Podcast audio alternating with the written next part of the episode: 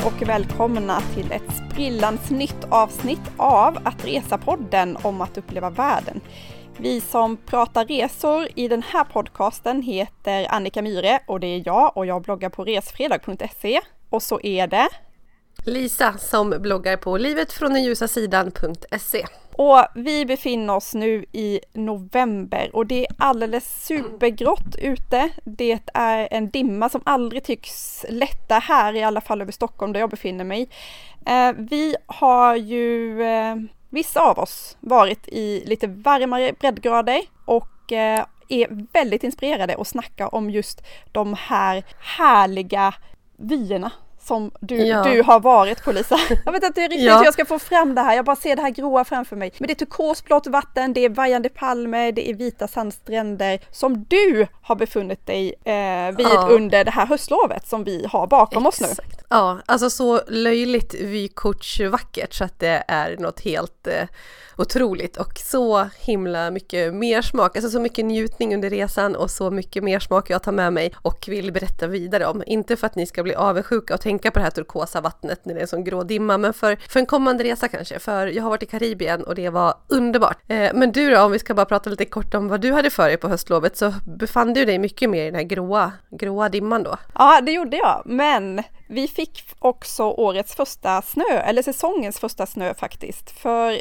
precis som vi pratat i ett tidigare avsnitt i podden så berättade jag att vi skulle till Finland, jag och min familj. Vi hade ett samarbete med Silja Line där vi åkte över 40 timmar totalt, eh, vilket var en jättebra start på höstlovet där vi kunde ja, men hänga runt på färjan. De kallar det här konceptet för Silja Resort. Så medan du var på din resort i Karibien så hade jag min resort på Silja Symphony över till Helsingfors. Barnen tyckte det var hur härligt som helst. Vi hade en superfin hytt och det som var mest uppskattat under resan tror jag det var när vi fick vår beskärda del av öliv på en liten ö utanför eh, Helsingfors som heter Fölisön med eh, ekorrar och tama fåglar och stora vita snöflingor. Det var faktiskt jättelyckat. Vi är supernöjda med eh, den starten på, på höstlovet och man kan ju få en väldigt härlig semesterupplevelse med familjen inte så långt bort, även om Karibien också är ett väldigt, väldigt bra alternativ, Lisa. Ja men verkligen, och om man pratar Karibien så är det ju mycket eh, kryssningsfartyg faktiskt och det är ju någonting som både du och jag har gjort. Alltså kan du säga några ord om, eh, om man säger nivån på Silja Lines båt versus, eh, man kan inte jämföra dem med de stora kryssningsfartygen, men du förstår vart jag vill komma. Hur var, hur var båten och underhållning och så? Mm. Men det första vi sa när vi kom in i fartyget, eh, Silja Symphony, det var att men det här påminner faktiskt om, den här, om boardwalken som finns i de stora kryssningsfartygen. Så man kan förstå känslan att det är en stor huvudgata liksom på båten där du har en massa butiker och restauranger som ligger liksom placerad längs med den här miniavenyn. Allt är såklart i väldigt mycket mindre skala. Men den här hytten, nu bodde vi i en specialhytt, lite finare hytt som heter Commodore och den var ju betydligt finare än den hytten som vi hade på kryssningsfartyget. Eh, man hade en egen liten lounge där vi kunde gå ner och käka lite och en egen bastu bland annat, så det fanns eh, absolut ganska många kopplingar men givetvis så är ju liksom utsikten utanför båten när du tuffar fram på ett stålgrått Östersjön är inte riktigt samma känsla då.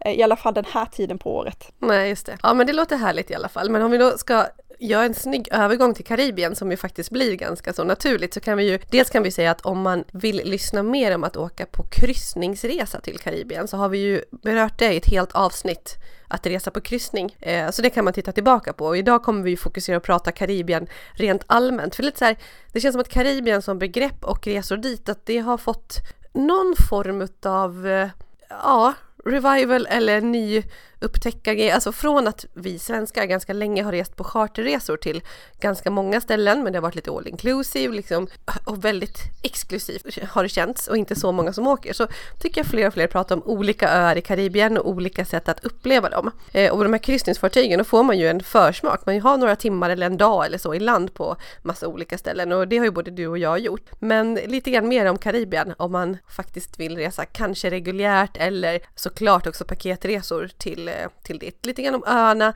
men vi ska givetvis eh, djupdyka i Guadeloupe. För det är Guadeloupe som jag var på höstlovet, eller ett förlängt höstlov, ett par veckor här för ett tag sedan, precis i månadsskiftet oktober-november. Jag tänkte börja faktiskt att fråga dig Lisa, för att eh, ni har ju rest en hel del med familjen och jag vill bara höra hur tankegångarna gick från början att ni ens övervägde det här alternativet och kolla västerut till mer, eh, ja, till de här öarna? Ja, men det var lite en blandning faktiskt. Eh, dels efter kryssningarna, vilket vi gjorde förra hösten också, eh, när min pappa fyllde 70 så blev vi bjuden på kryssningsresa eh, utav honom. Och det var så här, ja men det här är härligt. Vi kanske ska upptäcka mer utav Karibien. Det var en känsla. Ja, sen har jag en nära vän som var på Martinique och reste runt i tre, fyra veckor med sin familj och var jättenöjda och har pratat gott om det. Ehm, sen blev jag tipsad av en eh, bloggfamilj som heter Vagabondfamiljen som har varit mycket på Guadeloupe och är jättenöjda med det och de är surfare men gillar också stränder och var många olika delar där som tilltalade dem och hon tipsade om, om det. Eh, det vi egentligen valde på var Zanzibar eh, som jag är jättenyfiken på också. Vi ville ha värme, vi ville ha fina stränder, vi ville ha något nytt också. Alltså Asien är lätt att alltid, för mig, jag älskar Asien, eh, så det är lätt för mig att alltid längta tillbaka dit. Men jag vill ändå se nytt och, och göra någonting annat. Eh, vi tänkte också att det var en hyfsat rimlig resa, men det kan vi återkomma till. Eh, jag vet inte om det är rimligt riktigt, det var rätt lång. Ja, men så det var väl det. Värme, enkelt liv där vi i familjen. Det här är den semestern som vi satsar på i år och egentligen sedan vi senast var på Bali för två år sedan, för nu blev vi ju bjudna förra året och det var inget, inget aktivt val från oss med vad vi skulle åka på, utan vi åker liksom med familjen en gång varannat år eller ett och ett halvt år emellan på en sån här längre grej. Och eh, här skulle vi få ut det som vi ville på ganska kort tid och bara ha det bra tillsammans och ändå kunna uppleva en hel del. Ja, för, för typiskt sett om jag tänker på Karibien så tänker jag på att man åker dit på smekmånad, alltså bröllopsresa. Det var vår första tanke när vi pratade om att vi skulle åka någonstans. De här paradisstränderna, ganska lugnt tempo. Ändå lite så att vi kan känna igen oss i det europeiska eller det amerikanska, alltså västvärldsinfluenserna mm. där borta. Eh, jag har också faktiskt varit där med reguljära flyg Eh, för flera år sedan när vi skulle åka till Peru, jag och min mamma. Då ville, det var hon som pushade för att hon ville ha en riktigt fin strandupplevelse också, inte bara äventyret utan hon hade drömt om att ligga i en solstol med vajande palmer och vita stränder och hon ville snorkla för första gången i livet. Så vi stannade faktiskt till på Bon Air i några dagar. Vi var nog där nästan en hel vecka och det var superhäftigt att få den kontrasten också och få uppleva det tillsammans med henne. Och inte bara den här kryssningsstoppet som är snabba, korta, utan här fick vi en, eh, en helt annan typ av upplevelse av Karibien som jag ska berätta lite mer om sen. Men jag tycker vi, mm. vi börjar väl att bara, liksom, vad är Karibien? Västindien, Karibien, vad är det för någonting? Ja, dels har ju vi, vi pratade lite om det, men när säger man Västindien och när Karibien och varför det ena eller andra? Men det refererar till exakt samma sak egentligen. Så jag vet inte Nej, men, Om du har någon annan Nej men Västindien slutsats. är ju,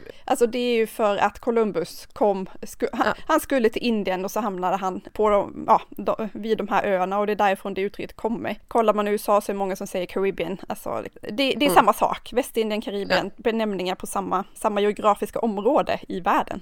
Ja, och det är faktiskt lite intressant för att efter jag var på Guadeloupe nu så säger folk typ, ja ah, men vänta vart ligger det? Och vissa vågar också erkänna att så här, men vart ligger ens de här öarna? Så att vi kan ju ta det så basic, för nu ska vi vara inkluderande. Många är det kanske jättesjälvklart, men i alla fall, det är ett pärlband av öar kan man säga, som ligger i höjd med Centralamerika om man tänker. Du har Sydamerika, du har Nordamerika, USA, eh, Centralamerika däremellan med eh, Mexiko, Nicaragua och så, alla de länderna. Så öster om det, det blir norr om Venezuelas kust kan man säga. Mellan Syd och eh, Nordamerika, där ligger den här kedja av öar. Jag tror att det egentligen är runt 7000 öar ungefär som eh, finns där. Och eh, ja, men man brukar säga att ja, den ligger då öster om centralamerikanska fastlandet och är en skiljelinje mellan Atlanten och Karibiska havet. Så på ena sidan har du Karibiska havet och på andra sidan är det öppet ut mot Atlanten. Och det gör ju också att de här öarna ofta skiljer sig lite grann på den ena sidan av ön versus den andra, för det blir helt olika typ av vatten och så. Ja, och man brukar prata om Antillerna, alltså små Antillerna och stora Antillerna, Bahamas och Turquoise, jag vet inte ens hur man uttalar det, Turquoise öarna. Alltså det är liksom lite olika grupper av öar och beroende på var du åker i Karibien så kommer du få helt olika typer av upplevelser och det är just eftersom många av de här öarna är självständiga stater. Men många av dem är också, historiskt sett så har de tillhört andra länder och fortfarande också till viss del. Det är USA, det är Storbritannien, det är Nederländerna, det är Frankrike. Det är arvet från kolonialtiden helt enkelt som, som visar sig. Ja, och numera pratar man departement. Så till exempel Guadeloupe då, det är ett franskt departement. Det är således franskt, de röstar i franska valet, man använder euro och det är samma tullagar som gäller och så vidare. Och så är det för många av de här områdena. Och ska man nämna några så kan vi prata om typ eh, Nederländerna, då har vi Aruba, Curacao, Saint Martin bland annat. Om vi pratar Storbritannien kan vi prata Caymanöarna, Brittiska Jungfruöarna och de här som du sa nu, Turks och Caicosöarna som vi inte vet hur det uttalas, vi borde bara undvika det. Ah. Och Angilla. vi säger inte det. Nej då. Eh, USA har du Puerto Rico, amerikanska Jungfruöarna. Ja, det är nog de. Vi tar bara några exempel så det kan finnas fler. Och Frankrike då, Guadeloupe som sagt, eh, Saint Martin, Martinique bland annat. Och sen har du några självständiga stater då, till exempel eh, Antigua och Barbuda, Bahamas, Barbados, Kuba, Dominica, Grenada, Dominikanska republiken, Haiti, Jamaica och Trinidad och Tobago med flera. Ja, och det här är bara ett urval. Det finns ju hur många som helst. Och inför det här avsnittet så vi pratade mycket om hur vi ska lägga upp det här. Hur ska vi kunna prata om Karibien i ett avsnitt som inte ska överstiga en timme? Och det är som ni förstår helt omöjligt. Därför kommer vi dels att djupdyka i Guadeloupe eftersom Lisa precis har varit där.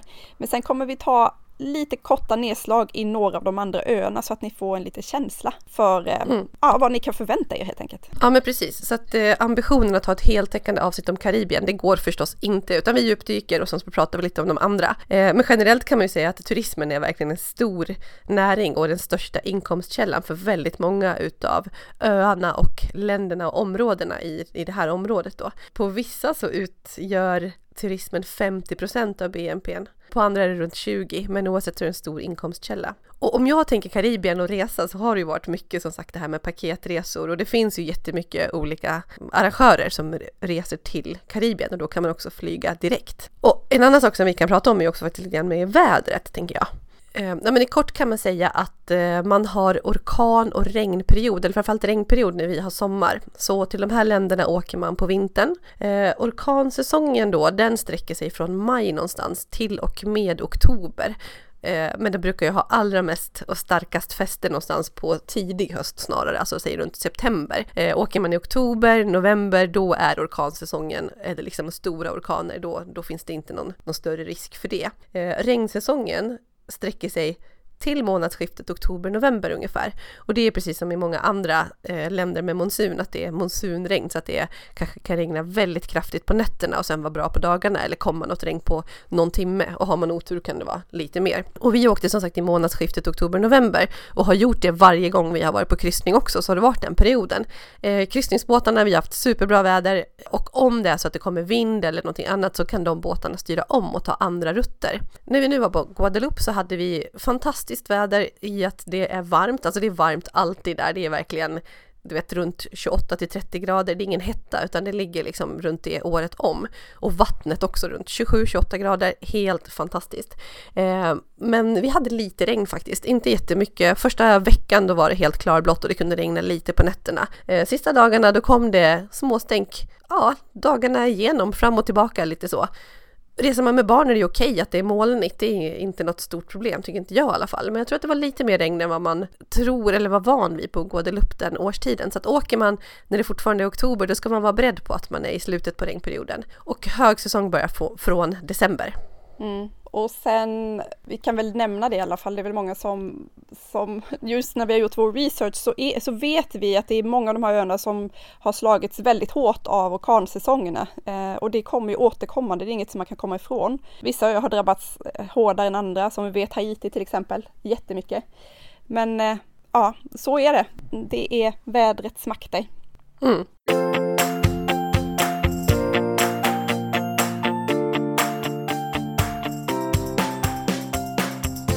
Ja, men om vi pratar om att resa till Guadeloupe då, som sa jag berätta vad som lockade oss, det här med att vi ville ha något nytt och nya områden och ny känsla. Och i efterhand så här, nu ska vi prata mer om det, men jag har verkligen analyserat det här resmålet och fortsätter att göra det för på ett sätt så var det annorlunda för mig som har varit så mycket i Asien och många andra ställen och delar utav världen. Eh, så att jag har svårt att bara tänka på att det var en bra semester. Vi hade det otroligt härligt. Det, det var bättre än mina förväntningar. Men jag är ändå så här, jag fortsätter att analysera det här så vi får se om vi lyckas komma fram till det nu. Ehm, men i alla fall, vi reste reguljärt. Ett alternativ till Guadeloupe är att man reser direkt med Langley som är en operatör. De har också en helt egen resort som ligger på en av de här två öarna som utgör eh, Guadeloupe. Och eh, då kan man resa direkt. Vi reste via Paris, för Guadeloupe är som sagt ett franskt departement. Så det är inrikesflyg som gäller, men då flyger man från Paris andra flygplats som heter Orly, O-R-L-Y. Det innebär att antingen behöver man flyga till vanliga flygplatsen i Paris, jag, jag, vill inte uttala, du vet jag är sjukt dålig på franska, eller jag kan inte franska. Gaulle tror jag, Charles ja, exakt, Charles de Gaulle. Och då får man då byta flygplats för att kunna flyga vidare. Alternativt så opererar i dagsläget Norwegian till Orly så att vi flög dit och vi flög då en fredag kväll från Stockholm och så övernattade vi på ett jättebra hotell som låg liksom på flygplatsområdet och sen flög vi vidare på förmiddagen därpå. Så till Paris är ungefär två och en halv timme och därifrån direktflyget då till Guadeloupe tar mellan åtta och nio timmar lite beroende på vindar. Kommer, eh, alltså Lisa, kommer du ihåg vad du betalade eller vad ni betalade för flygbiljetterna totalt? Ja men det gör jag faktiskt för att det är så här att mellan Paris och Guadeloupe så är det hög konkurrens. Det finns flera flygbolag som opererar. Det är Air France, Air Caraïbe och Coche Air. Och då har det varit ganska mycket prispress mellan de här och jag låg ju och researchade biljetter ganska länge så vi betalade ungefär 3500 per person från Paris. Och vi flög med eh, Air och det var helt okej. Okay. Det var jättestort plan, enormt, du vet såhär tvåvåningsplan, så mycket större än vad jag trodde och det går många avgångar varje dag. Och sen tog vi oss då dit med Norwegian jag kommer inte ihåg vad vi betalade då, någonstans mellan kanske 1000 och 1500 per person. Så vi kom ju ner i ja, runt 5000 per person för vår resa. Men däremot, vi hade en lång mellanlandning på hemvägen, eller på ditvägen handlar det ju om hur det tajmade med tider och så vidare. Eh, men på hemvägen hade vi ganska lång mellanlandning och det var för att vi inte vågade ta ett tidigare flyg i och med att det var olika bolag. Vi ville inte stå på Orly och eh, ha kommit lite, var försenade och vi visste också att vi behöver få ut väskor och så vidare eh, och bli fast där. Så att för oss var det värt att ha lite längre mellanlandning. Men det kanske jag skulle omvärdera faktiskt om vi skulle åka igen. Så. Men själva ön då, vad utgör, alltså vad är specifikt för ön? Hur ser den ut? Hur, eh, jag har hört något om en fjäril när jag har gjort min research på kartan, att det ser ut som en fjäril uppifrån. Ja, och det gör det verkligen. Det är egentligen två öar som eh, de åtskiljs av ett sund som är runt 50 meter brett. Men vägarna går över så att det upplevs inte som två öar utan som en ö som är som en fjäril kan man säga. Och de här två öarna de är väldigt olika. Den ena består utav, det finns en hög vulkan där som är ungefär 1500 meter hög som Åreskutan om det är en jämförelse som funkar. Eh, och där är det då ganska mycket nederbörd, det är djungel, det är verkligen tropisk regnskog. Eh, den här vulkanen, det är väldigt eh, kullar och berg på den och väldigt, väldigt grönt. Superhärligt! Eh, med jättefina stränder runt om och många av dem har lavastränder så att vissa är svarta, andra är mer guldgula, vissa är helt magiskt vackra eh, och vissa är väldigt bra för surfning också. Och det är också från den ön det finns några ställen som är bättre dykspots. Eh, den andra ön Grand Terre heter den, den är mer platt. Den är den som traditionellt har haft allra mest eh, turister. Det består av väldigt mycket sockerrörsfält. Man tillverkar mycket socker på Guadeloupe och eh, man tillverkar utav det rom till exempel, men det finns också ja, rena sockerutvinning så. Eh, så där blir det väldigt vita, alltså ljust gula stränder, turkost vatten, långgrunt så väldigt eh, platt ö med magiska stränder. Eh, och man kan bo runt de här båda öarna medan den här platta ön då, Grand Terre, är lite vanligare, alltså lite mer eh, turistorter på den. Och det var också där vi bodde. I mitten av de här två ligger huvudstaden, Point à Pitre stavningen. Jag fortsätter med det här, hur fasen ska man göra när man inte kan uttala på franska? Det blir fel hur jag än gör. det, eh, var, där, men... det var ju så kul när du, när vi chattade när du var på resan, bara alla pratar franska. Jag fattar ingenting. Det är Nej. ju intressant att, eh, att komma till ett ställe där, där det är svårt att göra för sig förstådd fast man kommer från samma kontinent egentligen. Ja, alltså det var länge sedan jag var så lost på ett resmål. Jag tänker när jag var på så här men typ i Vietnam år 2000, då kunde man inte ta sig runt och man försökte med någon parlör liksom och så läsa sig till men folk kunde inte läsa så bra heller så att det gick liksom inte och det var nästan samma känsla nu. Det finns ingen som kan engelska, alltså eller vill prata. Det, vi tog oss inte fram med engelska. Vi satt med Google Translate och olika översättningar hela tiden och det hjälpte knappt. Så det var på ett vis härligt för att det, det blir ju känslan av att här är något helt annorlunda. Men eh, också begränsande om man inte kan franska. Så att jag tror att man har ännu mer ut av resmålet om man faktiskt kan franska. Ja, man eller i alla fall liksom, innan man åker dit i alla fall in lite huvudfraser så man kan så beställa lite mat och alltså man kommer jättelångt uh -huh. fram på, på kroppsspråk och, och Google Translate såklart som ni gjorde men det kan vara lite det kan vara skönt för ens eget självförtroende tänker jag. Ja men verkligen och jag menar bara att kunna prata med lokalbefolkningen för de är överallt hela tiden. Det här är verkligen ett ställe där turismen blandas med eh, lokalbefolkningen. Så det hade varit jättekul att kunna prata lite mer. Jag tror också att vi hade kunnat få bättre mat genom det för att vi hade kunnat fråga vad är bra på det här stället och vad är era specialiteter? Vad är schysst idag? Istället satt vi där och bara Poison fisk. Fisk är ju gott. Grille är nog grillad. Jag tar väl en grillad fisk liksom. Ja, men så att, ja med det sagt, de pratar ju franska just för att det är ett fransk, eh, franskt departement. Ja, men sen kan man säga då att som jag sa, den här huvudstaden ligger i mitten, är det också dit man flyger. Och vi bodde i en eh, by eller, ja, by eller stad, ja, ett samhälle som heter Legosier. Och det är ett av de som ligger närmast eh, flygplatsen och huvudstaden. Och därifrån med hyrbil är det aldrig mer än ungefär en halvtimme så långt bort som möjligt, alltså längst ut på ena ön eller längst ut på andra ön, ungefär en halvtimme. Så att det är ganska nära avstånd och eh, storleksmässigt är det ungefär som halva Gotland kanske. Mm. Jag har ju följt din resa på avstånd och en, alltså en av de insikterna som jag kom till efter att ha sett dina uppdateringar är just att att det finns en sån variation ändå på resmålet. För om man åker till Karibien så är det lätt att tänka att man hamnar på en öde ö, vilket är jätte, jättehärligt med de här stränderna och palmerna och badkars, varma vattnet. Men kanske då om man är som dig och mig efter tre, fyra dagar, att det blir lite, lite så här, det skulle vara kul att göra någonting annat. Och det fanns det ju på den här, när du ja. berättade om vulkankänslan och regnskogen och så jag vill höra mm. mer om liksom för och nackdelar ja. och Ja, vi kan prata lite om det. Eh, och det är så här att det var det som tilltalade mig mest med Guadeloupe också. Jag hade hört att man ska ha hyrbil för att ta sig runt och vi tänkte att ah, men vi löser det när vi kommer fram. Liksom. Vi får se, vi landar först på resorten för vi var ute efter att få en lugn semester med familjen och landa på ett och samma ställe. Vi hade en hel del diskussioner om det hemma. Jag var ju sån som förespråkade minst två, gärna tre olika boenden på de här tio dagarna. Men min man bara, men nu tar vi det lugnt, vi tar en bra resort där vi trivs och sen gör vi utflykter. Så vi hade väl en tanke att okej, okay, på de här tio dagarna så kanske vi hyr bil tre, fyra dagar. Men dels var det inte billigare att hyra bara några få dagar och dels insåg vi ganska snabbt att det är skönt att ha det för friheten så. Så det är väl både ett plus och negativt, eller både plus och minus. Att man behöver ha hyrbil nästan om man ska uppleva ön Å andra sidan är det lätt att uppleva ön där det finns så mycket att göra och jag gillar den friheten i att vi hoppade in i bilen och drog till magiska stränder eller en massa annat. Så vi kan ju börja med det, alltså stränderna de var så fantastiska som mina bilder visar. Det här är inga bilder där jag har fått anstränga mig för att få de finaste vinklarna utan vattnet var turkost. Det var som ett badkar. Det var så varmt. Palmerna var helt drömmiga och hängde ut över ytan.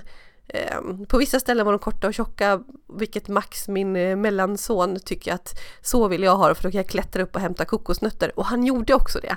Jag vill ha långa, drömmiga som hänger ut över horisonten och de fanns också. Och det var lummigt samtidigt och väldigt lite folk skulle jag säga när man åkte runt på de här andra stränderna.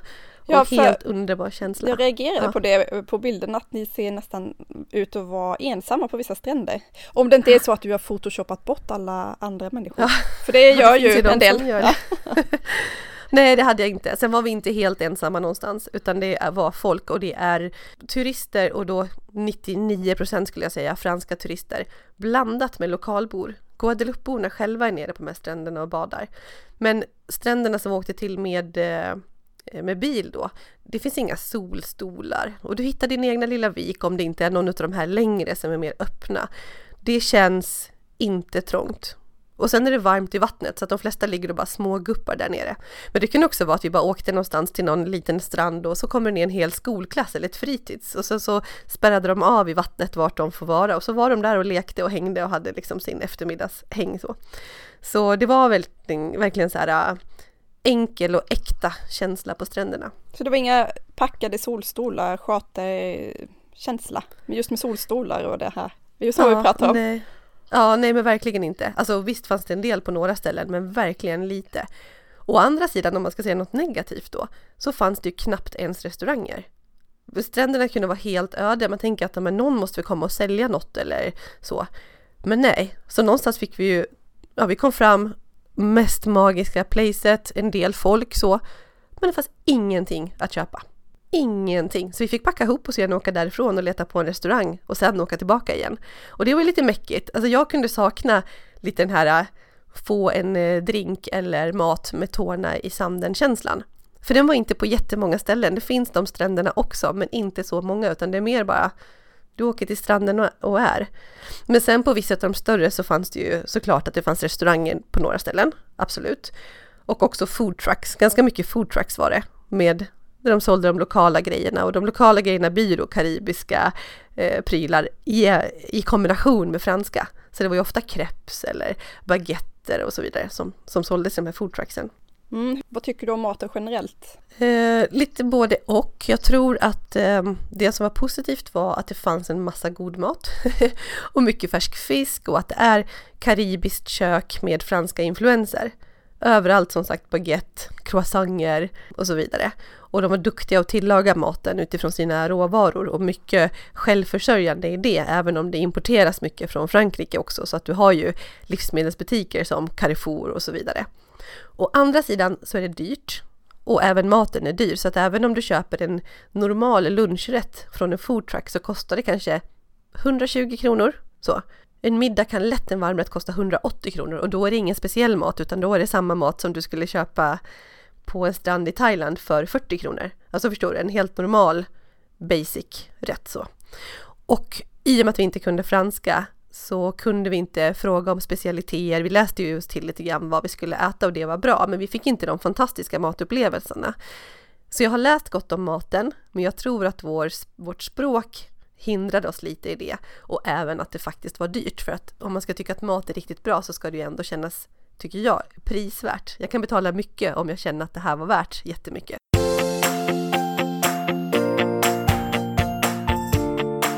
Om du bara skulle få välja fem saker, alltså fem saker som man ska göra på Guadeloupe ut, eh, innan man åker därifrån. Alltså i, i, form av utflykter eller stränder eller liksom fem höjdpunkter. Mm.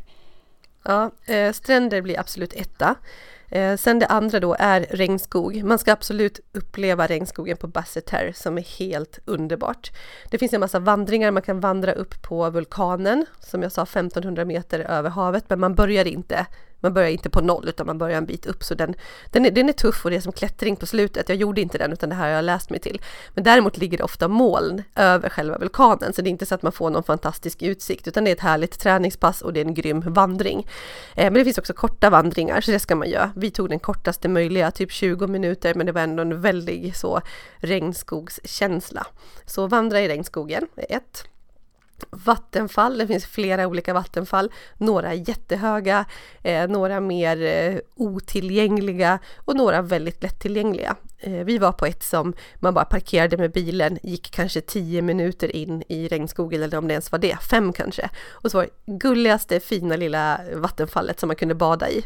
Eh, det var en del folk där men de kom också och gick så att stundtals så var vi helt själva i den här lilla lagunen.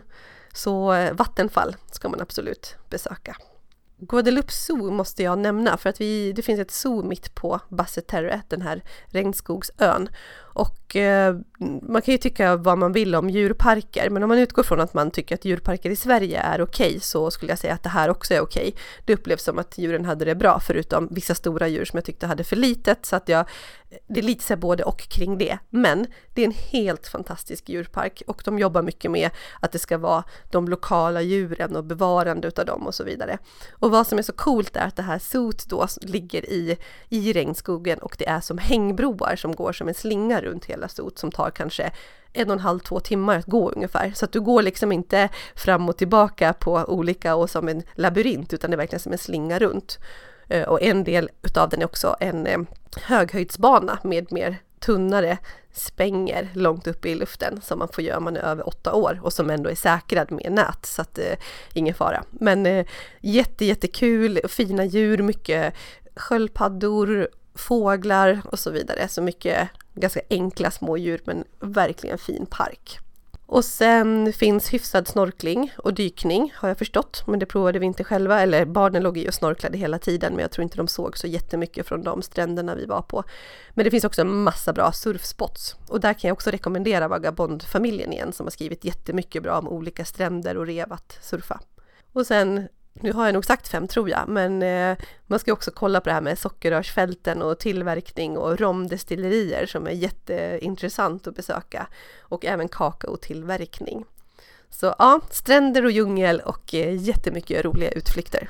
Det här låter ju jättebra och jag är ju nyfiken såklart på hur det är att resa med barn dit. För att ha med hela familjen med tre barn, era barn är tre, åtta och tio. Mm. Och eh, hur var det? Hur tar man sig Nej, fram med var... barnen? Absolut, alltså alla fransmän som är där de reser med sina barn och eh, de flesta stränderna är otroligt barnvänliga. Sen är ju inte generellt så är det ju inte så att fransk befolkning eller faktiskt lokalbefolkningen här tycker att barn alltid är helt fantastiska. Och framförallt inte om de inte kan prata med dem utan det är ju ganska mycket så Franska barn är ju lid, lider av en anledning och det är att föräldrarna är ganska hårda. Om man ska generalisera. Mm. Om jag får göra det. Mm. Eh, men det var lätt att resa med barn och eh, vägarna kändes eh, helt okej okay och eh, ja. Men visst, det är det där med att vill man ta sig från resorten så är det hyrbil och, och konka runt lite grann. Så det är inte det lättaste så heller, det skulle jag inte säga. Men absolut, absolut barnvänligt. Mina barn tyckte det var fantastiskt. Var det grejer som inte var så himla bra då? Om vi ska gå in på ja. Det som kanske var mindre bra eller som hade kunnat, ja, som du re reagerade för? Ja, eh, men jag tycker dels att det var så här, det var karibiskt fint. Det andas verkligen Karibien och det är små färgglada hus och jag gillade och tyckte det var väldigt positivt att det ser ut att vara bra levnadsstandard generellt, det är bra skick liksom. Eh, från lyx till enkelt men i princip alltid bra. Alltså de fina husfolk där har det bra tror jag och det, det är en härlig känsla. Sen tyckte jag samtidigt att vi inte såg så mycket liv pågå utomhus. Jag saknade lite dofter. Nu som sagt är jag en sucker för Asien, men någonting som jag tyckte är så charmigt i Asien är att liv pågår utomhus och det är någon eld någonstans och det lagas mat och barn leker och det är dofter och det är intensivt. Och det såg jag inte så mycket här, utan livet sker kanske mer inomhus för att standarden är högre. Så det har fått mig att analysera lite grann att jäklar vad härligt för det här stället reser man till och här går pengarna ganska mycket till lokalbefolkningen skulle jag säga för det är mer hyra lägenheter än stora resorts. Och folk har det i allmänhet generellt bra. Så att det är så här, mina de här känslorna från Asien, är de lite sjuka egentligen? Vad är det jag tittar på där och betyder det att folk där har det sämre? Och ja, men förstår du att det där blev jag, har, jag har tänkt på det så mycket efteråt, att jag kan tycka att ja, synd att det inte var lika mycket liv och rörelse och folk ute och si och så samtidigt som ja, men det är ju för att det är ett annat typ av liv och det är ju bra. Um, ja, det är säkert en förenklad bild men i, i, stort sett så kändes det som att det här är ett tryggt ställe. Och det tyckte Henke när jag kunde prata om det här som inte fullt lika charmigt som Asien. Eh, och att jag saknade lite äkta karibisk känsla även om det var väldigt mycket lokalliv. Så var han så här, men det är ju bra, allt funkar, det är fantastiskt, det är så hög standard och allt är franskt och trygghet och regler och lagar och så vidare. Det är ju det är Frankrike, det är underbart. Så han tyckte att det bara var positivt. Jag tror att många som tycker att Guadeloupe är deras bästa resmål någonsin tycker det av just den anledningen. Att det funkar. Och jag är lite mer sådär äh, att det ska vara svårt. så. Det fun mm. funkar lite för bra för din smak. Ja, nästan. Ja. Ja, och samtidigt är det inte lyx som jag tänker mig att det är på många andra karibiska öar, utan det här är äkta. Eh, och vad gäller hotell så jag pratade lite grann om det här med tårna i sanden-känsla och jag saknade kanske lite att resorts eller hotell kan ligga i närheten av någon sån här levande strand. Det är mycket antingen resort och det finns inte så många stora eller lokal Airbnb eller hyra någonting. Så du kan få en mycket charmigare känsla genom att hyra en lägenhet eller ett hus och det är också det som är absolut mest prisvärt. Medan resort blir nog lite resortigt med kanske en liten egen strand och sådär. Vilket vi hade och det var fantastiskt och det var skönt och rätt och bra för oss att landa. Eh, men eh, den där kombon är lite svår att hitta med bungalows på stranden och där det finns fem restauranger på rad som du kan välja på och så. Eh, nej, och jag är ju ingen resortmänniska generellt så att eh, jag hade väl lite mer, ah, så här, men den här semestern så var det väldigt rätt för oss att bo så. Eh, det är också som sagt bara franska, vi har pratat om det och det är alltså 95 procent turister från Frankrike. Vi träffade ett par andra svenska familjer, men det var det. Eh, det är nog mer på andra ön om man åker med Langley och det hörde vi också mer svenska när vi var på de stränderna som låg närmare den resorten som är på den här vulkanön då. Så det är väl sånt som är både liksom, du vet, positivt kittlande och samtidigt lite, ah, så här, det skulle kunna vara ännu bättre. I min personliga så. Minus på riktigt då är eh, att det var dyrt. Alltså, men det är ju i Karibien generellt och vad jag förstår så är det mycket varor som är importerade från Frankrike så att det skattas på det sättet också. Det blir långtransport och så vidare. Så det är det. Det är absolut svenska priser överlag, nästan ännu mer så. Och så maten, det har vi pratat om. Jag var inte jätteimponerad, men jag tror att jag hade kunnat bli bättre om jag hade kunnat franska. Men vi testade en del, de har en del lokala grejer som vi provade och eh, akras bland annat som är friterade räkor eller seafood och liknande med en smaksatt frityrsmet, supergott. Smaksatt med vad? Alltså smaksatt? Ja, typ så chili och lite så, lite starkare. Eh, kyckling eller fisk med currysås och kokossåser. Eh, ja, det är karibiskt och franska influenser. Och jag åt mycket helgrillad fisk som jag tyckte var jättegott. Och sen har de också en, en form av jätteräkor. Det är ju någonting som man inte ska äta generellt för miljön. Men jag läste på här, de har en specifik sort som lever i insjöar. Eh, så jag läste mig till att det här var okej okay och de var helt fantastiska. Nu kommer jag inte ihåg vad de heter bara för det, men det kan man kolla efter i alla fall, deras speciella räkor. Det finns inte på Google Translate eftersom att det är ett eget ord så att tyvärr tog det mig ganska många dagar innan jag fattade att det här var, var räkor som var jättegoda. Ja, så ungefär så tror jag. Och sen men ändå charmigt och mycket karibisk lokalkänsla. Eh, jag saknade folk som skulle sitta och spela reggae i något hörn på en strand liksom. Men det var, eh, men det var ändå stark, stark karibisk känsla. Så. Tror du att ni kommer åka tillbaka till Guadeloupe eller kommer ni nästa gång satsa på någon annan karibisk ö och när i så fall? Alltså hur ofta lockar det dig? Eller är det Thailand nästa gång? Eller hur känner du? Ja, jag tror inte det blir Thailand nästa gång heller fast en del av mig säger men nu måste jag nog åka tillbaka till Thailand och få den här superenkla exakt mitt i prick vad jag vill ha faktiskt. Jag älskar Thailand. Eh, men det blir nog inte nästa gång heller, då måste vi nog till Zanzibar. Men Karibien blir det absolut igen. Eh, det skulle kunna bli Guadeloupe igen. Eh, ja, det skulle det absolut kunna bli. Om fem år kanske. Eller någon annan liknande ö där. Var det lagom med tid? Alltså för ni hade ju totalt nästan tio dagar, alltså lite strax över ja. en vecka.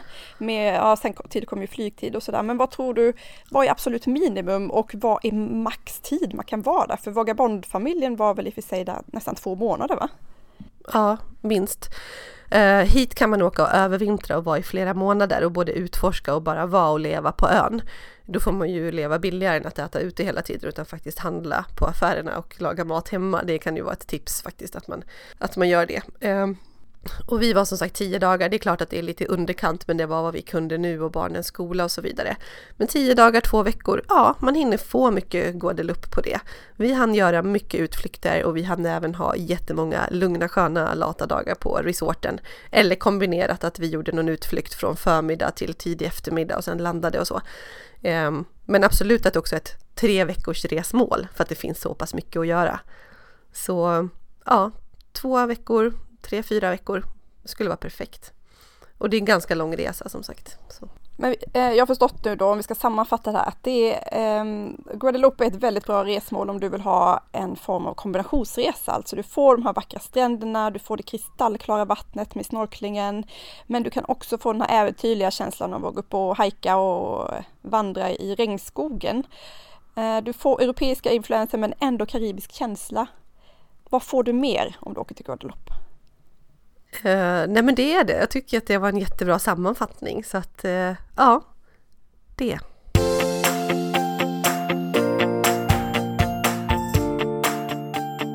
Okej, nu känns det som att jag har pratat hur mycket som helst. Jag hoppas att ni har fått en bild av Guadeloupe, eller Guada som det också kallas.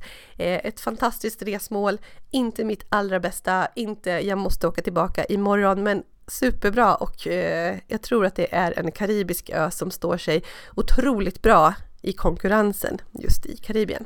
Mm, och du har ju bloggat jättemycket om det här och kommer blogga ännu mer, så mm. spana in Lisas blogg Livet från den ljusa sidan.se för att läsa mer.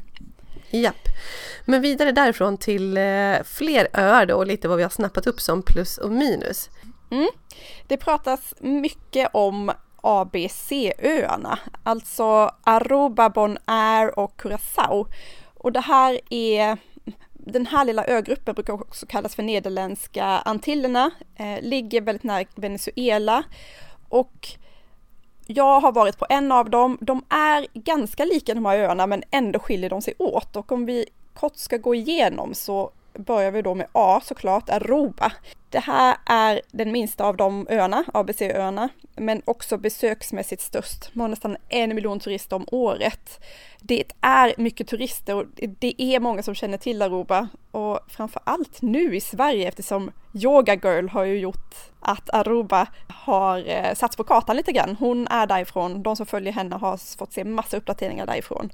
Och Aruba är väldigt förknippad med sina otroligt fina stränder. Det är som sagt en väldigt liten ö, två och en halv mil lång. Det är inte långt. Jag kommer inte ens in till dig i Nacka härifrån på det. Eh, men har ändå så här otroligt grymma, fantastiska stränder, Karibiens bästa enligt en del. Det är som Guadeloupe, ungefär 28 grader året om, väldigt få regndagar. Många vill ju åka hit på smekmånad och bara ha det härligt, vara på stränderna. Det är väl eh, just därför man åker dit, för strandkänslan, tänker jag. Jag har inte läst att det finns så här eh, det, det är jättemycket, det finns jättemycket aktiviteter såklart också, men, men huvud, liksom huvudkänslan är stränderna. Det är därför som folk vill åka dit. Ja, men precis. Och utav många ställen i Karibien som det finns ganska mycket plus och minus och faktiskt en del så här, man går inte utanför resorten, så tycker jag utav, utav allt vi läste, vi slängde ut frågan bland annat i några stora Facebookgrupper om att resa, så var ändå alla positiva kring Aruba. Kanske att det är lite väl amerikanskt, det är väldigt amerikansk känsla där. Men Aruba verkar vara en hit. Jag blev jättesugen på att åka dit.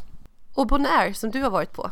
Jag visste inte det, det här måste du berätta mer om. Ja men eh, som sagt, vi mellanlandade på Bonaire både på väg till och från, bon, eh, från Peru när vi åkte dit.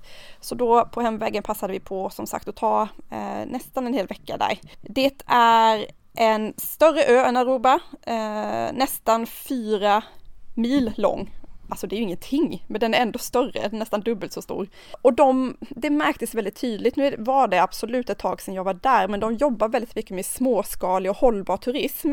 Det finns alltså inte de här stora hotellkomplexen, utan det är små, ofta vi bodde hos en eh, eh, nederländsk kvinna som hade en, en liten, liten resort. Eh, inte alls många rum, det var väldigt personligt. Hon kom och, och snackade med oss vid frukosten och sådär.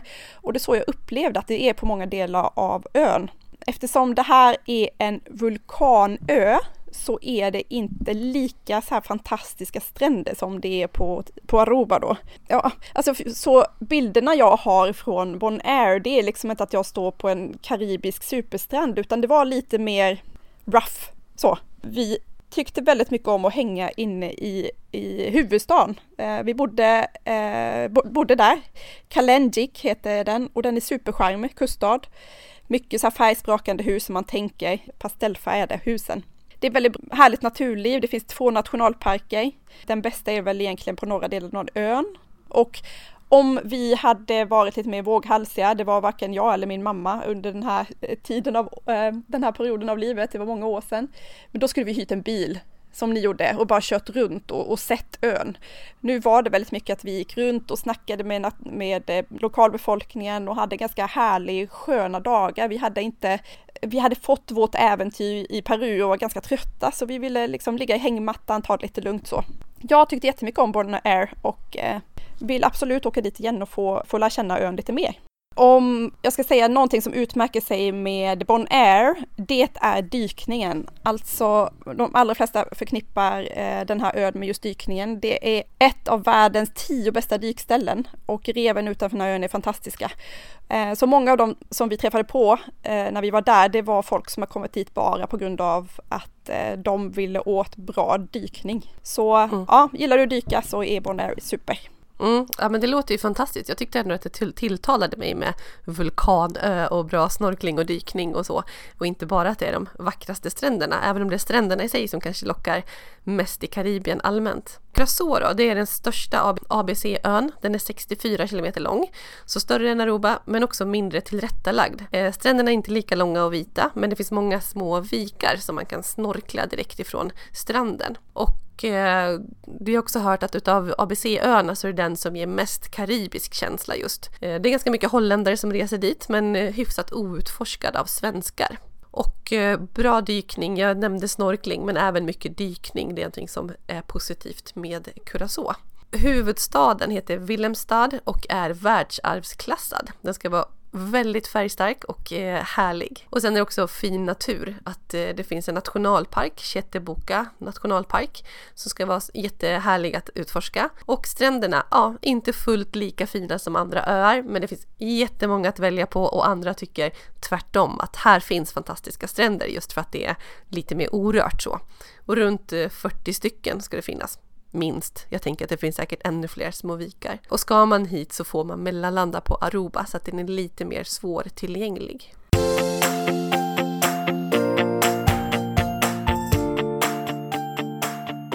Eh, sen Kuba, det är ju ett land som egentligen tycker jag kräver ett helt eget avsnitt. Det känns nästan fel att lägga in Kuba i det här avsnittet om Karibien.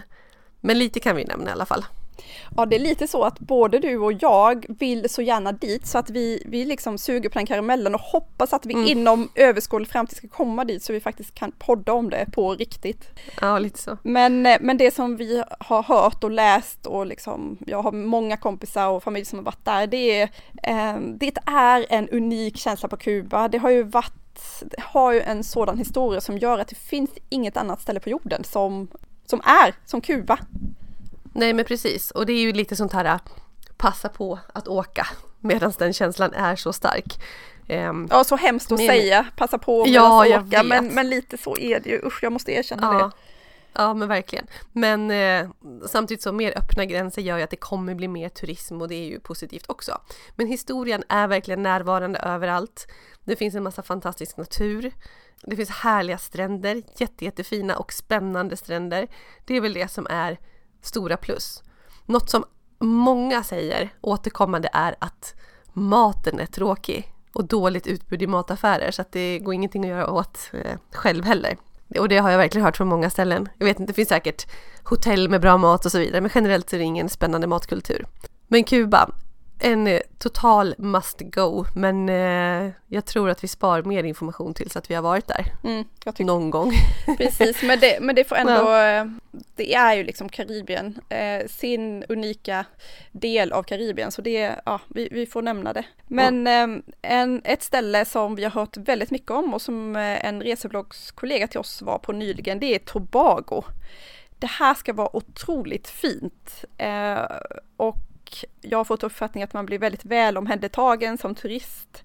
Det finns mycket att göra och se. Det är ganska lite turister, inga stora resorts. Eh, så väldigt många, alltså väldigt mycket fick vi läsa om plussidan av Tobago. Ehm, det som är minus kan också vara ett plus för många. Det är att de som jobbar med turister, eh, många av dem de, eh, de har en attityd som är ja, men väldigt laid back och anser i princip att turisten ska anpassa sig efter ön och inte tvärtom. Och det är på gott och ont med det här med service såklart. Just det. Och sen är ju det här, det här är en egen stat och den består av två stora och 21 små öar i Västindien och det är ju Trinidad och Tobago som är eh, de största och kända och det är ju Tobago då som man åker till på, på semester. Ja, men bilden jag sett talar sitt tydliga språk, alltså hit vill jag absolut åka någon gång. Mm. Puerto Rico, det är ett amerikanskt territorium, men inte, det räknas inte som en delstat. Så amerikanska medborgare, de reser utan pass hit och således är de såklart dominerande bland turisterna. Och så är det ju på de här ställena, att det är ju huvudsakligen turister från det land som, som ön eller området tillhör. Och vad man kan säga om Puerto Rico det är att det finns en huvudstad, San Juan, och den påminner, påminner ganska mycket om Havanna på Kuba. Det är kullerstensgator, det är äldre hus, män som är ommålade och vackra i väldigt så här mycket färger. Så väldigt färgglad och fin eh, huvudstad. Man dansar salsa, man dricker drinkar och eh, vad gör man mer? Ja, man surfar och, eh, ja, och reser runt också med egen bil mycket. Det är väldigt enkelt att, att göra det. Och det finns mycket olika att se, som sagt. Fina stränder, eh, surfkultur. Eh, det finns flera olika klimatzoner på ön, vilket är lite speciellt, men det gör ju också att man kan, man kan få olika typer av upplevelser på olika ställen. Som sagt, amerikanskt. Ja, den amerikanska känslan dominerar framför den karibiska på Puerto Rico. Så är det. Jag hörde flera som har varit på Puerto Rico och jämförde med Guadeloupe och som tycker att Guadeloupe är mycket charmigare. Men eh, ja, jag kan ju inte uttala mig själv i, om det då. Sen ja, är det dyrt men samtidigt lite billigare än många andra ställen i Karibien. Så möjligtvis att det är så att man kan få en lite mer prisvärd semester på i Puerto Rico.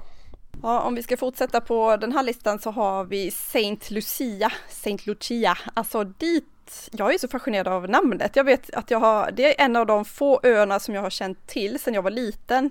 vet när de tävlade OS och sådär, bara va, finns det en eh, ö där Lucia kommer ifrån? Väldigt fascinerad ja. av det. Mm. Jag har faktiskt en kompis som är där just nu på semester med sin familj. Eh, det som jag har eh, reagerat över på bilderna är de här sockertoppsformade formationerna som är så alldeles övertäckta. Alltså det ser ut som sockertoppar som är helt täckta av djungel. Jätte, jättefina. Eh, och så, lig så ligger de i bakgrunden och mina vänner ligger liksom och plaskar i det badkarsvarma vattnet som ser väldigt, väldigt fint ut. Det som jag förstått är att det, det känns, alltså det är ett uttjatat ord, men det känns autentiskt, det är bebott om man nu jämför med Aruba jobba till exempel så kan kännas lite mer så här, ja men lite ytligt kanske, lite tillrättalagt. Jag har däremot förstått eh, en tråkig del av Saint Lucia att det finns väldigt, alltså det finns stora sociala skillnader och eh, vissa säger att det är väldigt hög brottslighet gentemot turister och att de vill ha betalt för till och med svara på en fråga. Så ja, det här är ju en, en, eh, en baksida av den här ön som jag inte kan mm. uttala mig om helt men som jag har hört från ett par olika håll faktiskt. Om vi fortsätter på S, Saint, Saint Barts.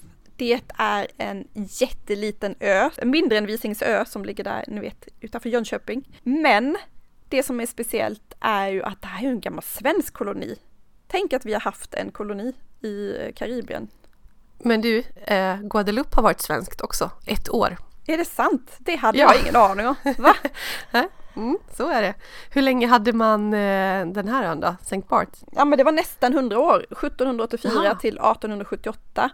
Och mm. det märks verkligen, alltså under den tiden så har det verkligen satt avtryck på staden i form av att ja, men det svenska arvet är ändå märkbart eftersom flera av ortsnamnen har svenska namn. Till exempel mm. så heter huvudorten heter Gustavia och eh, den är namngiven då efter Gustav III och till och med flygplatsen heter Gustav tredje. Det är lite, mm. lite coolt. Mm. Um, det här är en, eh, som sagt en väldigt liten ö. Det tar bara en timme typ att åka runt ön. Det är väldigt mycket, mycket kändisar, andra mycket pengar. Det är dyrt att vara här. Ön är grön, kuperad, det finns paradisstränder och det som jag eh, fastnade för var eh, att det finns eh, naturliga pooler på öns sydöstra kust. Att man åker dit och kan liksom bada i naturliga pooler som, som bildas. Det såg jätte, jättehärligt ut. Men jag hade ju gärna åkt dit och fått en lite djupare inblick i svensk historia. Det är till, till och med så att öns vapen, alltså stadsvapen, har de tre kronorna på sig fortfarande.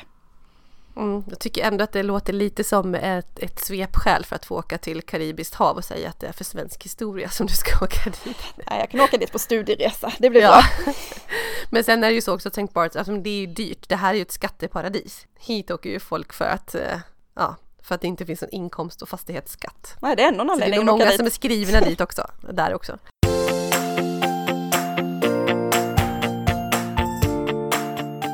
Jamaica, det är också ett sånt här som är, det känns liksom eh, lite stort, lite som att det är, eller inte stort till ytan så, men som att det finns eh, mycket på Jamaica och det skulle nästan behöva ett eget avsnitt. Eh, jag har ju gjort touchdown på Jamaica två gånger med kryssningsfartyg och jag gillar liksom känslan av att vara så här, ah men det här vill jag få mer utav.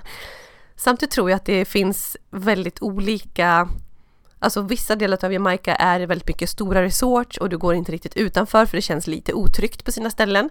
Eh, hyfsat hög brottslighet så. Och eh, det här med mycket Mariana och så vidare, det är tydligen ingen, eh, inte bara ett rykte utan det är ganska mycket droger på, på Jamaica generellt. Ja, det var det första um, så här, när vi steg av båten, bara usch, det vilade som liksom en, ett moln över ja. ön. Ja men precis. Eh, och södra delen mer äkta genuin känsla. Norra delen mer för amerikanare, stora resorts. Ganska dyr destination. Det ska finnas god mat och eh, ja men de känslorna som jag har fått från Jamaica är ändå så här, ja men jag skulle vilja ha mer Jamaica faktiskt. Så vi har bland annat varit till ett vattenfall som heter Duns Falls som vi åkte till på mitten utav ön och eh, där man kunde vandra genom vattenfallet. Men det var betydligt mer turistigt än vad det var motsvarigheten på Guadeloupe, det kan jag säga. Men eh, ja, jag tycker Jamaica ändå är ja, men charmigt. Mm. En plats i Karibien som jag har blivit jättenyfiken när vi gjorde den här researchen som jag inte kände till alls mycket om.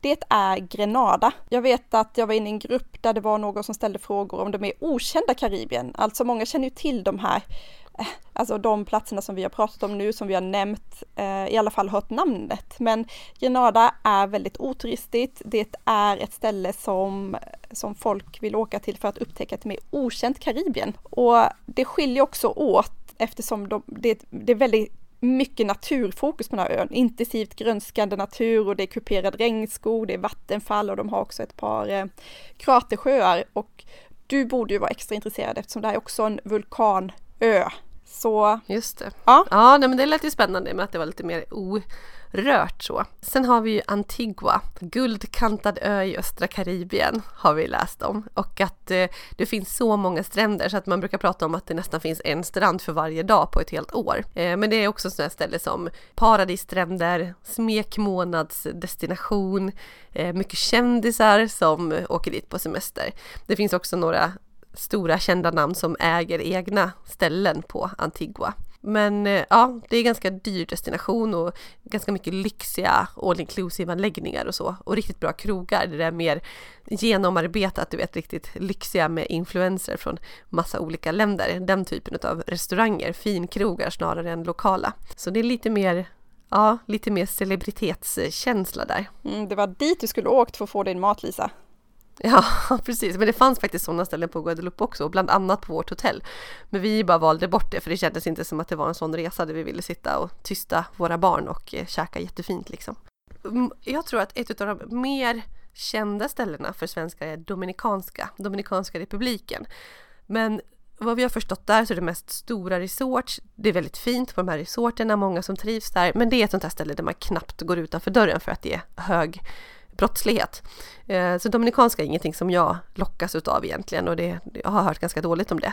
Däremot Dominica, vet du om att det här är olika ställen? Annika? Inte förrän, jag trodde att det var ett, ett smeknamn på Dominikanska republiken. Nej, utan Dominica är tvärtom. Det är ett väldigt hållbart mål. De har blivit utnämnda bland annat till ett av världens tio mest etiska resmål utav Ethical Travelers som är en sån organisation. Och eh, Dominica, de är, ligger mellan Guadeloupe och Martinique. Nu har vi inte pratat om Martinique heller, men det är väldigt likt Guadeloupe på alla möjliga sätt så att vi, vi lämnar det där och eh, tänker att Martinique är nog spännande att, att utforska också. Men Dominica ligger mitt emellan Guadeloupe och Martinique och där de två, Guadeloupe och Martinique, är eh, ganska dyra och välmående. Så i Dominica någonting av en lite fattig granne kan man säga. Eh, så de har det betydligt sämre. Men, eh, och det innebär ju också att det är flera som Alltså det är mer försäljare som försöker sälja på saker och vad det än kan vara och, och få en del av turisternas kaka. Å andra sidan så försöker man komma till rätta med sina problem och det är ett hållbart eller ska bli ett hållbart resmål.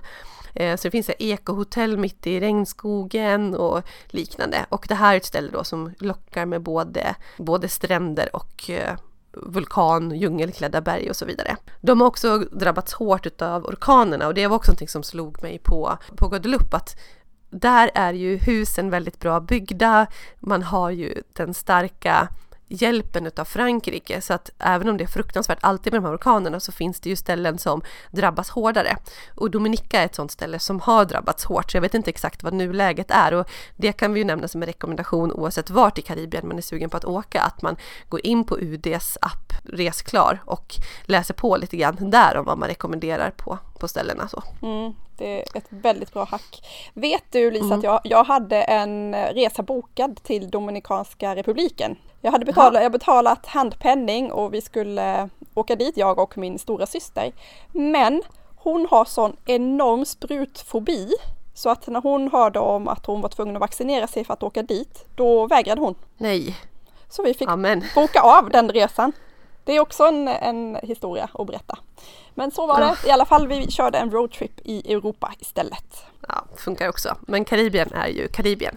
Ja, vi hoppas att ni har i alla fall fått ett litet smakprov av vad ni kan förvänta er av den här delen av världen. Eh, själv så har jag jättebra erfarenheter av de eh, två stopp som jag har gjort där. Dels kryssning, bara liksom smakat en del, men sen den här veckan på Bonaire och jag tror och hoppas att det kommer bli fler stopp i Karibien framöver. Ja, verkligen. Och jag kan ju känna att det är jättemånga ställen som lockar och vi hann ju inte prata om allt så, eh, men att det finns vissa som jag tänker att ja, men Sankt Matern, Sankt Bart, det där är väl bara dyrt och sådär. Medan andra ställen där det finns både upplevelser och stränder och alltihopa tilltalar mig jättemycket. Jag skulle så gärna upptäcka mer av den här delen av världen och jag tänker att man nog borde kunna öhoppa mer än vad man har gjort också. Att det faktiskt går att ta sig runt med färja. Jag vet inte exakt hur det, hur det ser ut, men jag har hört lite så här lätta rykten om det. Så att jag tror kanske att vi har vi har en boom att vänta i Karibien med att upptäcka det på andra sätt än vad vi svenskar traditionellt har gjort. Mm. Och har ni varit på något ställe som ni vill rekommendera så kan ni väl tagga oss och berätta lite mer så kan vi reposta och eh, berätta vidare. Mm. Men eh, ja, hoppas att ni fick lite inspiration i mörkret, om inte till en resa den här vintern så kanske nästa vinter. Från eh, november ungefär och till mars har du högsäsong. Mm. Tack för den här gången Lisa, vi hörs igen snart. Det gör vi. Ha det bra. bra. Hej då.